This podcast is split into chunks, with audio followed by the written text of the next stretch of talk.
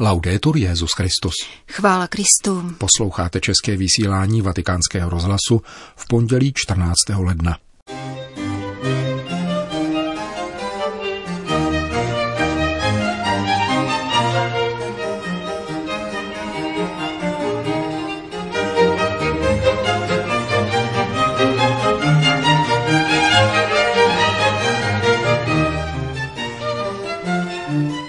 Papež František zaslal krátké poselství organizátorům 13. francouzského pochodu pro život, který se bude konat tuto neděli. Užití a vlastnictví jaderných zbraní je nemorální, řekl římský biskup Združení Pax Christi. Papežova návštěva připomene komunistické pronásledování, říká koordinátor papežské návštěvy v Rumunsku. To jsou hlavní témata našeho dnešního pořadu, kterým provázejí Milan Glázer a Jana Gruberová.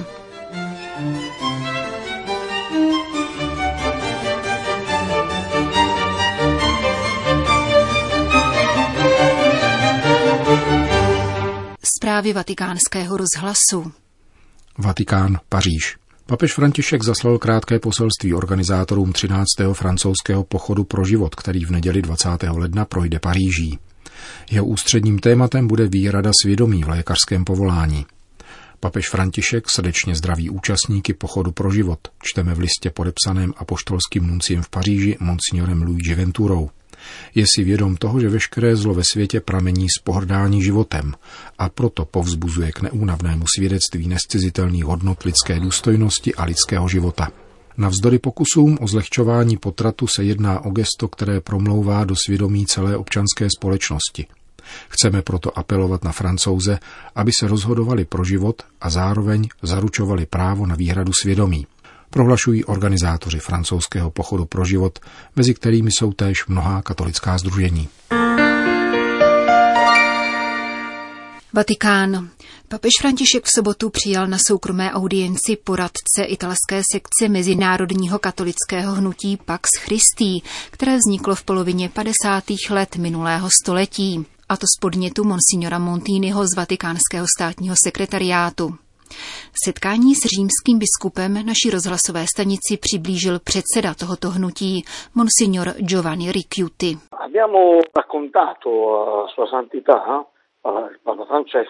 Vyprávěli jsme jeho svatosti papeži Františkovi o dějinách už 70-letých hnutí Pax Christi v Itálii a 60 letech trvání Pax Christi International, Popsal jsem naši hlavní iniciativu, kterou je výchova k míru a mluvili jsme o problematice s tím spojené, tedy hlavně o nutnosti odzbrojení, k němuž má církev všestranně vyzývat. Papež ocenil naši činnost a zdůraznil, že je nutné se výchovně zaměřit na děti, které dnes bývají adresáty násilných poselství. Když jsem se dotkl otázky jaderných zbraní, papež se vrátil k redávné promluvě k diplomatům. Řekl, že užil velice silných slov, když zdůraznil, že vlastnictví a užití nukleárních zbraní je nemorální. Podotknul, že trval na tomto výrazu. Dále vyzdvihnul, že dnešní církev a její proroctví o míru musí být odvážné, statečné, včetně rizika, že půjde proti proudu. A pak se nám svěřil, mluvil jsem, ale vím, že mne neposlouchají. Církev ovšem nemůže mlčet. Però la Chiesa non può appunto tacere. Dal vám papež nějaké zvláštní poselství? Předali jsme papeži lednové číslo našeho časopisu, který se celé věnuje světovému poselství ke dní míru. Papež nám vysvětlil, že letos rozhodl pro téma dobré politiky, protože politici často lidem nenaslouchají, předstírají hluchotu. Zdůraznil, že politika je dobrá jedině tehdy, pokud slouží míru. Poté řekl, že také v církvi bychom se měli učit mediaci, tedy zprostředkovatelskému umění. Pouze tak se řeší konflikty. Papež užil slova kompromis, které má ve španělštině jiný význam. Je to výzva k dialogu, umění navazovat vztahy a setkávat se z různých pozic, aby se překonaly konflikty.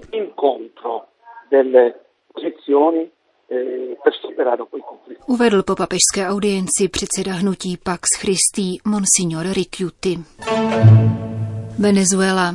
Ředitel ad interim tiskového střediska svatého stolce Alessandro Gisotti odpověděl na otázku novinářů týkající se důvodu účasti apoštolského nuncia ve Venezuele na slavnostní inauguraci tamnějšího, nedávno znovu zvoleného prezidenta Madury. Svatý stolec, řekl Gisotti, má diplomatické vztahy s Venezuelou. Jeho diplomatické úsilí má za cíl prosazovat obecné dobro, chránit mír a zaručovat respektování lidské důstojnosti. Proto svatý stolec rozhodl, že se zúčastní inaugurace prezidenta, kam vyslal pověřeného zástupce ad interim z apoštolské nunciatury v Caracasu. Svatý stolec a tamnější biskupové se nadále společně snaží pomáhat venezuelskému lidu, který trpí humanitárními a sociálními důsledky vážné situace, v níž se ocitl národ. Tolik tiskové středisko svatého stolce v odpovědi na otázky několika novinářů. Vatikán Bukurešť.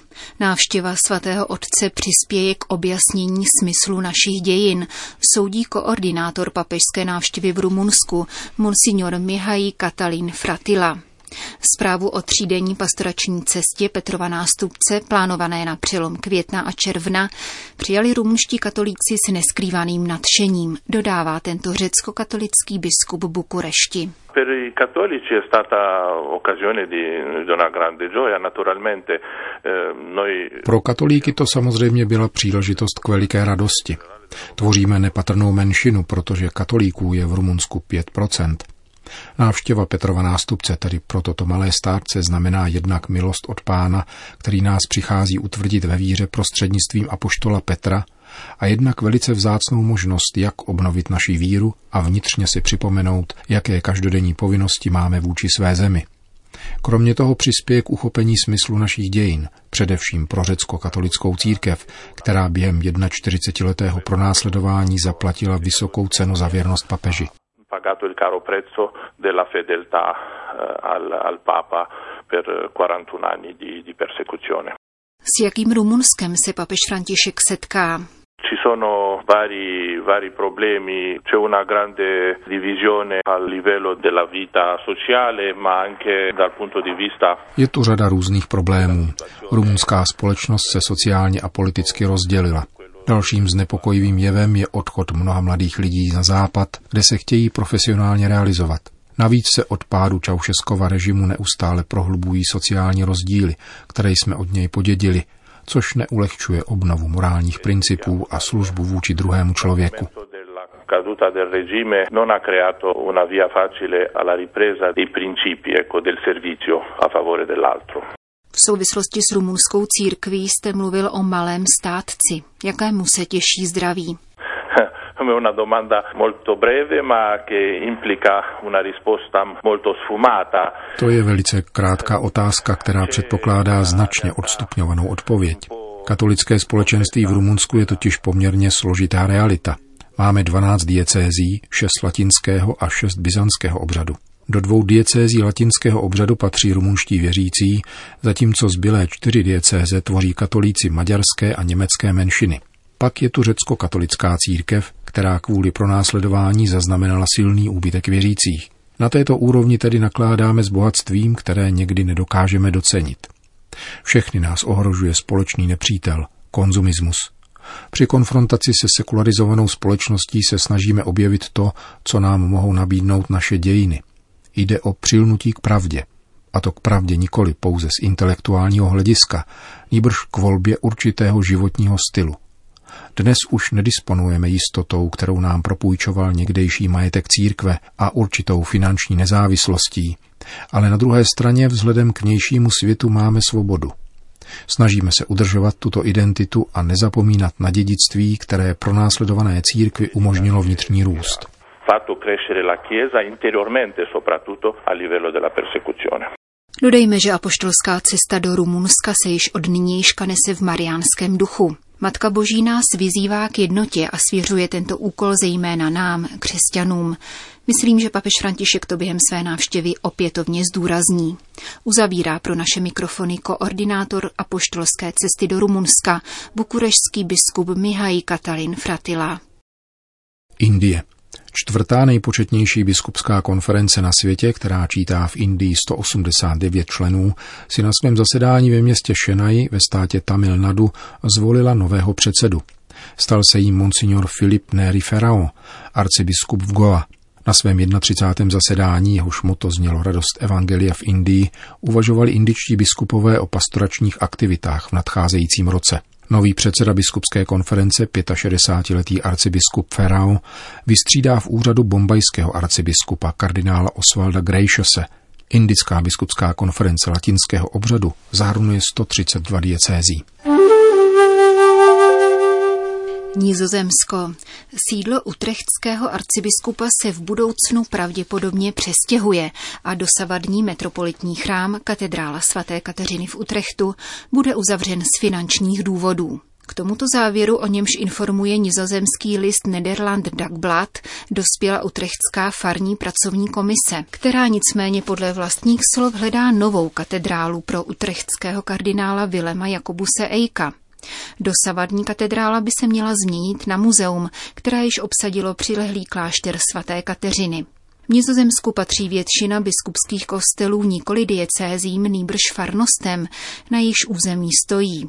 Pokud farnosti, jako v tomto případě, rozhodnou o fúzi, diecézní biskup i Vatikán musí souhlasit s přeložením. Na sociálních sítích ovšem překvapivé rozhodnutí vzbudilo odpor a nizozemští katolíci odstartovali petici za zachování dosavadní katedrály. Stížnost nazvanou Utrechtský katolicismus ještě není zralý na muzeum za dva dny podepsalo více než 500 lidí. Čína. Děti a mladiství do 18 let se o Vánocích nesměli účastnit bohoslužeb. Referoval o tom pro agenturu Asia News otec Stanislav ze severovýchodu Číny. Den před narozením páně jej navštívili funkcionáři ze státního úřadu pro náboženské záležitosti, aby mu u příležitosti vánočních svátků poblahopřáli. Při té příležitosti mu však oznámili, že děti a mladiství do 18 let se z bezpečnostních důvodů nesmějí účastnit bohoslužeb. Otec Stanislav namítl, že existuje mnoho problémů, o kterých je možné diskutovat. Mnohá mínění jsou však pouhým názorem, z něhož nelze činit normy a ze všeobecnit je tak, aby byly ústavní a zákonné na politické rovině. Funkcionáři však na farářův argument nereagovali a rozloučili se. V čínském tisku bylo zveřejněno prohlášení mluvčí ministerstva zahraničí, která komentovala toto vánoční opatření v odpovědi na dotazy novinářů slovy. Vy nechápete Čínu. Víte, kolik v Číně existuje legálních buddhistických, taoistických a křesťanských chrámů? Čínští občané se ze zákona těší plné náboženské svobodě. Přijali jsme pouze opatření proti teroristům a extremistům, abychom umožnili lidem plně požívat náboženské svobody. Zmíněný čínský farář k tomu poznamenává, že před kostelem byla policejní hlídka, která děti a mladistvé do 18 let na bohoslužby nepouštěla. Řím. Návštěva fontány di Trevi je pro turisty přicházející do věčného města téměř povinností. Mnozí z nich házejí do kašny drobné mince, což se pojí s pověrou, že to zajistí návrat do Říma, pokud se mince vhodí do vody určitým konkrétním způsobem. Čas od času jsou mince vybírány firmou odpovědnou za čistotu městských fontán. Nejde o zanedbatelnou částku. V uplynulém roce činila půl druhého milionu euro. Proto vzbudila zájem nedávná zpráva v katolickém deníku Avenire o tom, že se římský magistrát rozhodl věnovat tyto peníze na jiné účely. Římská charita je sice ze 70% financována ze sbírek věřících a 15% dostává od italské biskupské konference, ale zbývajících 15% pocházelo právě z Fontány di Trevi. Proto by přesměrování zmíněné částky mělo značný dopad na některá dobročinná církevní díla. Primátorka Říma Virginia Raggi, jak informoval vatikánský deník Osservatore Romano, však dnes uvedla zprávu na pravou míru. Římská charita bude i nadále z magistrátu dostávat výnos z mincí zanechaných turisty, a to nejen z fontány di Trevi, ale napříště i ze všech ostatních římských fontán, což činí dalších přibližně 200 tisíc euro. Primátorka Říma také rozhodla, že bude pravidelně zveřejňována jednak výše částky vybrané z městských fontán a jednak podrobnosti o jejím využití.